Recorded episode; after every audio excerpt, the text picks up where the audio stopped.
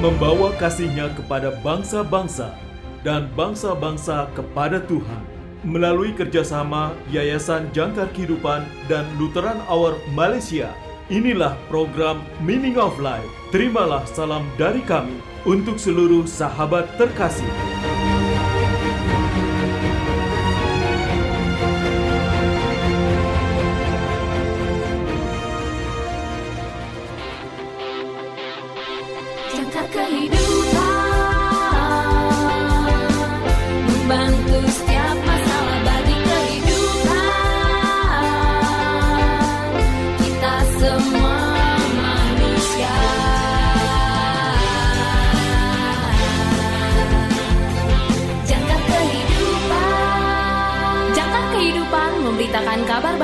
Buat kita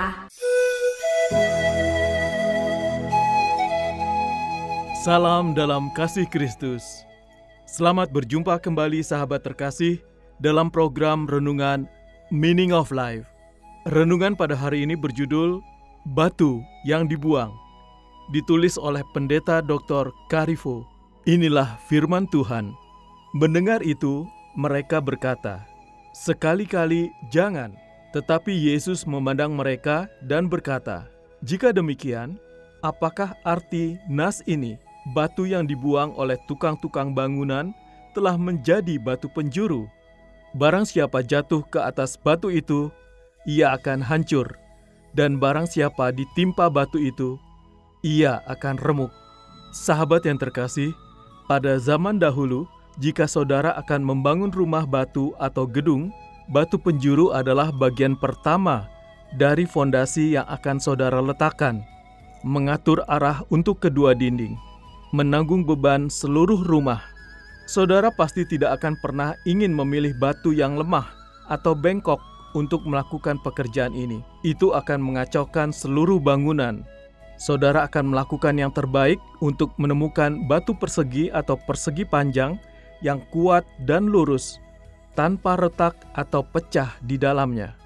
Namun Yesus mengutip Mazmur 118 dan menjelaskan bahwa dia sendiri adalah batu yang dibuang oleh para pembangun, yang ditolak oleh para pemimpin agama, bahkan sampai ditangkap dan dibunuh. Sangat tepat untuk menyebut orang-orang itu idiot. Apa yang mereka pikirkan untuk menolak batu penjuru ini, Yesus Tuhan kita? Apakah mereka menginginkan seseorang yang lebih cantik, lebih mengesankan, seseorang yang lemah dan mudah dibentuk, yang mau menuruti perintah mereka? Wah, itu akan menjadi bencana besar. Apa yang kita butuhkan adalah persis apa yang Tuhan berikan kepada kita, yaitu Yesus yang cukup kuat untuk menanggung beban seluruh dunia di punggungnya.